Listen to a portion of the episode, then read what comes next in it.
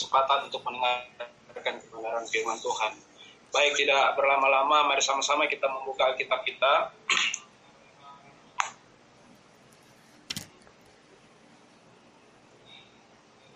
Yang saya ambil dalam kitab surat Roma pasal yang ke-8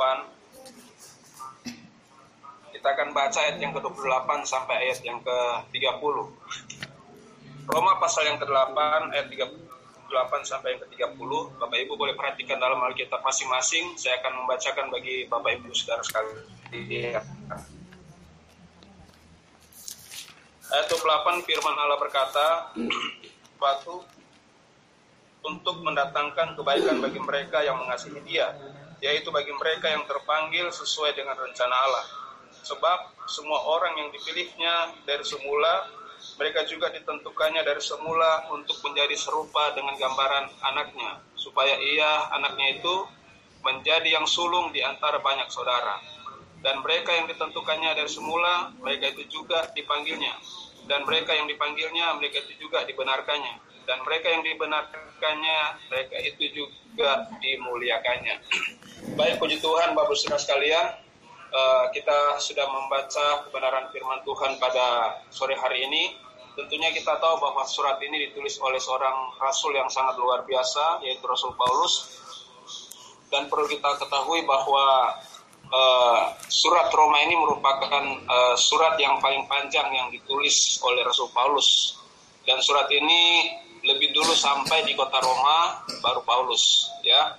Karena uh, melihat dari perjalanan dari Paulus dan Paulus sebenarnya begitu rindu untuk berjumpa dengan jemaat-jemaat yang ada di Roma pada waktu itu, tapi masih terhambat dengan pelayanan pelayanan-pelayanan yang sedang uh, dia jalani. Dan surat ini ditulis ditulis pada waktu Paulus berada di kota Korintus.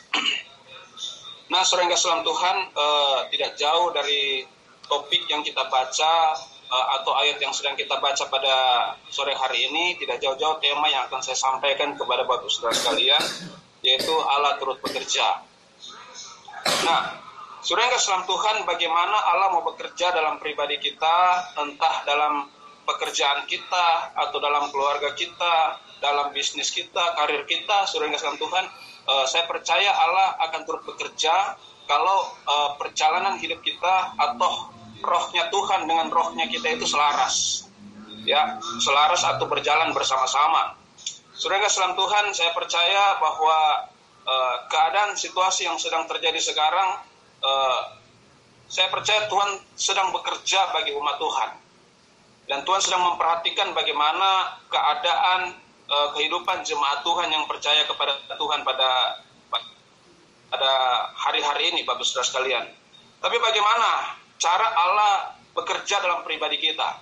Bagaimana cara Allah mau bekerja dalam karir kita atau keluarga kita, saudara yang kasih Tuhan. Menjadi pertanyaan, sudahkah kita merasakan bahwa Allah bekerja dalam hidup kita? Ya, kalau kita merasakan atau kalau kita melihat bagaimana Allah mau bekerja dalam pribadi kita, saudara yang Tuhan, kita akan melihat dan kita akan mempelajari bagaimana perjalanan dari seorang Rasul Paulus Rasul Paulus kita tahu yang sebelumnya yang sering dipanggil oleh sering dipanggil Saulus sering Islam Tuhan, dia adalah salah satu orang yang saya katakan orang yang jahat sebenarnya. Sebelum dia mengenal akan Tuhan. Waktu Stefanus dirajam oleh batu, ya sampai mati. Dan pada waktu itu justru dia memiliki uh, memiliki surat ya surat kuasa untuk membunuh orang-orang Kristen pada waktu itu. Membunuh orang-orang Kristen atau pengikut-pengikut Kristus pada waktu itu, Bapak Saudara sekalian. Tapi kalau kita melihat, ternyata Allah bekerja dalam pribadi dari seorang Rasul Paulus. Ketika dia menuju ke Damsik, Bapak Saudara sekalian, ya, ada satu hal yang sangat luar biasa yang Tuhan kerjakan bagi seorang Rasul Paulus. Jadi bagaimana Allah mau bekerja dalam hidup kita, bagaimana juga Allah bekerja dalam pribadi seorang Rasul Paulus, ya, yang poin yang pertama yang harus kita lakukan ketika kita mengalami perjumpaan pribadi dengan Tuhan. Ya, poin yang pertama ketika kita mengalami perjumpaan pribadi dengan Tuhan. Ya, bagaimana yang dicatat oleh uh, kitab kisah para rasul, ya, pada pasal yang ke-9 mulai dari pertama sampai yang kelima surah Tuhan begitu jelas bagaimana Paulus ketika dia mengadakan perjalanan uh, ke kota Damsik. Tapi ternyata ketika berada di pertengahan jalan saudara kasih Tuhan, dia melihat suatu cahaya yang begitu besar dan dia mendengar suatu suara dari dari dari sorga engkau mengenai aku maka kata Paul, maka kata Paul Saulus pada waktu kata Saulus pada waktu itu, siapakah engkau Tuhan yang aku aniaya? Akulah Yesus yang engkau aniaya itu. Surengga Santot ini merupakan suatu perjumpaan antara Paulus dan Tuhan. Yang dahulunya Paulus adalah memiliki apa memiliki niat untuk membunuh orang-orang percaya, tetapi ketika dia berjumpa secara pribadi dengan Tuhan, hidupnya berubah menjadi 180 derajat. Ingat 180 derajat, jangan sampai 360 derajat. Kalau 360 derajat ya kita balik di tempat namanya itu. Ya.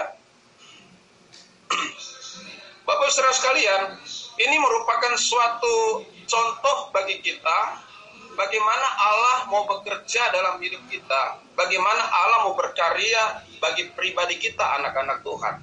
Yang tadi pertama saya sudah jelaskan uh, bahwa uh, hidup kita itu harus selaras dengan Tuhan. Hidup kita itu harus berjalan bersama-sama dengan Tuhan. Ya, sehingga kita akan melihat, oh, ternyata Tuhan bekerja demikian. Saya percaya kita umat Tuhan, jemaat Tuhan, dan jemaat Tuhan GPD Pelita yang ada dan Jonggol Saudara kasih Tuhan, kita semua memiliki pengalaman pribadi yang berbeda-beda ya. Pengalaman yang beda-beda ketika kita berjumpa dengan Tuhan. Saya percaya saudara Tuhan semua kita yang ada pada saat ini ketika kita mengalami hal yang demikian hidup kita akan berubah. Cara mindset kita cara berpikir kita ya saudara Tuhan akan berubah. Kita tidak tahu ya kadang kita tidak mengerti apa maksudnya Tuhan kita tidak mengerti bagaimana pekerjaan Tuhan sehingga kita tidak mampu juga melihat ke depan itu seperti apa Kadang kita kadang kita berpikir begini sering Tuhan seolah-olah Tuhan itu tidak ada dengan kita dan tidak bersama dengan kita. Dan kita tidak merasakan pekerjaan Tuhan itu yang nyata, Bapak Saudara sekalian. Tapi ternyata sering Tuhan itu harus kembali dari pribadi kita. Sudah nggak kita berjalan selaras dengan Tuhan? Ya, sudah nggak kita mengalami perjumpaan pribadi dengan Tuhan? Ternyata itu sering Tuhan suatu suatu apa eh, suatu perjumpaan dengan Tuhan itu merupakan titik awal dalam pribadi kita orang-orang Tuhan, eh, orang-orang yang percaya kepada Tuhan sehingga surah yang Tuhan ada perubahan yang signifikan yang akan terjadi bagi kita anak-anak Tuhan. Katakan amin. Ya. Bagi anak-anak Tuhan, ini saya katakan sekali lagi, Paulus adalah orang yang sama sekali uh, memiliki apa niat untuk apa melenyapkan orang-orang percaya. Tapi ternyata ketika dia berjumpa dengan Tuhan, Tuhan pakai Paulus lebih luar biasa lagi. Membuktikan surat Tuhan ada 13 surat yang ditulis oleh Rasul Paulus. Sama dengan kitab surat Ibrani, surat Tuhan. Ya, lewat dari Paulus ini surat Tuhan, sudah boleh melihat dan memperhatikan pusat pelayanan dari Paulus itu, itu ada di Eropa sana. Dan Eropa sebagian besar adalah orang-orang yang takut akan Tuhan. Orang-orang yang percaya kepada Tuhan. Itu salah satu orang yang mengalami perjumpaan pribadi dengan Tuhan. Yang kedua saya akan memberikan contoh orang yang mengalami perjumpaan pribadi dengan Tuhan itu Musa, saudara. Ya, Musa 40 tahun dia hidup dalam pelarian di padang gurun. Dia dia dia ketakutan mau dibunuh oleh oleh Firaun pada waktu itu. Sehingga dia lari ke padang gurun Midian surga selam Tuhan. Sehingga dia boleh berkeluarga juga di sana. Ya. Tapi ketika dia berjumpa dengan Tuhan, ketika dia berada di satu tempat, dia melihat ada satu ada satu apa kejadian di situ di mana uh, semak belukar yang menyala nyala surga selam Tuhan. Ya, dia melihat ternyata ada Tuhan di situ. Sampai Tuhan bilang begini, Musa tanggalkanlah kasut tanggalkanlah kasutmu karena di mana engkau berdiri di tempat itu adalah kudus atau suci. Saudara kasih Tuhan. Singkat cerita ketika Musa mengalami perjumpaan pribadi dengan Tuhan Tuhan pakai Musa lebih luar biasa. Ya lewat dari pribadi Musa lewat dari kehidupan Musa mampu memimpin orang Israel yang dikatakan saudara kurang lebih 2 juta pada waktu itu dia boleh memimpin orang Israel keluar dari tanah Mesir untuk pergi ke negeri yang dijanjikan Tuhan, yaitu tanah Kanaan. Saudara memimpin orang Israel bukan satu hal yang mudah, bukan satu hal yang gampang. Karena saya katakan orang Israel adalah bangsa yang tegar tengkuk, saudara yang kasih Tuhan. Bangsa yang suka melawan. Saudara boleh bayangkan, boleh kita pikirkan, dua juta orang ini kalau tukang melawan, saudara, bagaimana Musa pada waktu itu? Kalau orang Manado bilang, sakit kepala belbi. Betul ya Pak Gembala ya? Kita sebagai hamba Tuhan, saudara, sebagai gembala, kalau jemaat yang banyak, jangankan semua tegar tengkuk, satu orang saja saudara. Maaf saya katakan, satu orang saja tukang tanduk. Menangis gembala saudara. ya, mau urus ini jemaat seperti ini, apalagi orang Israel 2 juta yang adalah bangsa yang tegar tengkuk, keras kepala, saudara dalam Tuhan. Tapi mampu, mampu untuk memimpin orang Israel ini. Kenapa? Karena dia mengalami perjumpaan pribadi dengan Tuhan. Amin. Saya percaya dan pastikan jemaat Tuhan GPD Pelita yang ada. Ketika kita jemaat-jemaat Tuhan, ketika kita mengalami perjumpaan pribadi dengan Tuhan, saya percaya mungkin keluarga kita yang belum mengenal Tuhan, keluarga kita yang belum mengerti jalannya Tuhan, Ketika engkau mengalami hal demikian, Allah akan bekerja dalam keluargamu. Allah akan bekerja dalam bisnismu. Tuhan akan bekerja dalam pekerjaanmu. Amin. Ya, ini adalah janji Tuhan, saudara. Itu yang pertama. Alami perjumpaan pribadi dengan Tuhan. Yang kedua, kalau kita membaca dalam Roma pasal 12 ayat yang kedua, Roma 12 ayat yang kedua berkata, Janganlah kamu menjadi serupa dengan dunia ini, tetapi berubahlah oleh pembaruan budimu, sehingga kamu dapat membedakan manakah kehendak Allah, apa yang baik, yang berkenan kepada Allah, dan yang sempurna. Saudara yang kasih dalam Tuhan, satu hal yang harus kita alami, ya, ketika Allah mau bekerja dalam hidup kita, saudara yang kasih Tuhan, alami perubahan dulu.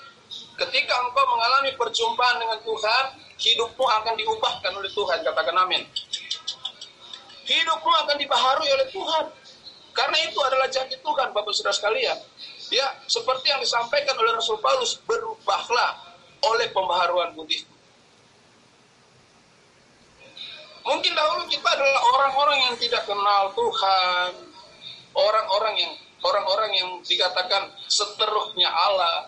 Tetapi firman Tuhan katakan, ketika engkau berubah oleh pembaharuan budismu, Ya, sering saya jelaskan kepada jemaat Tuhan juga di sini sore kesan Tuhan.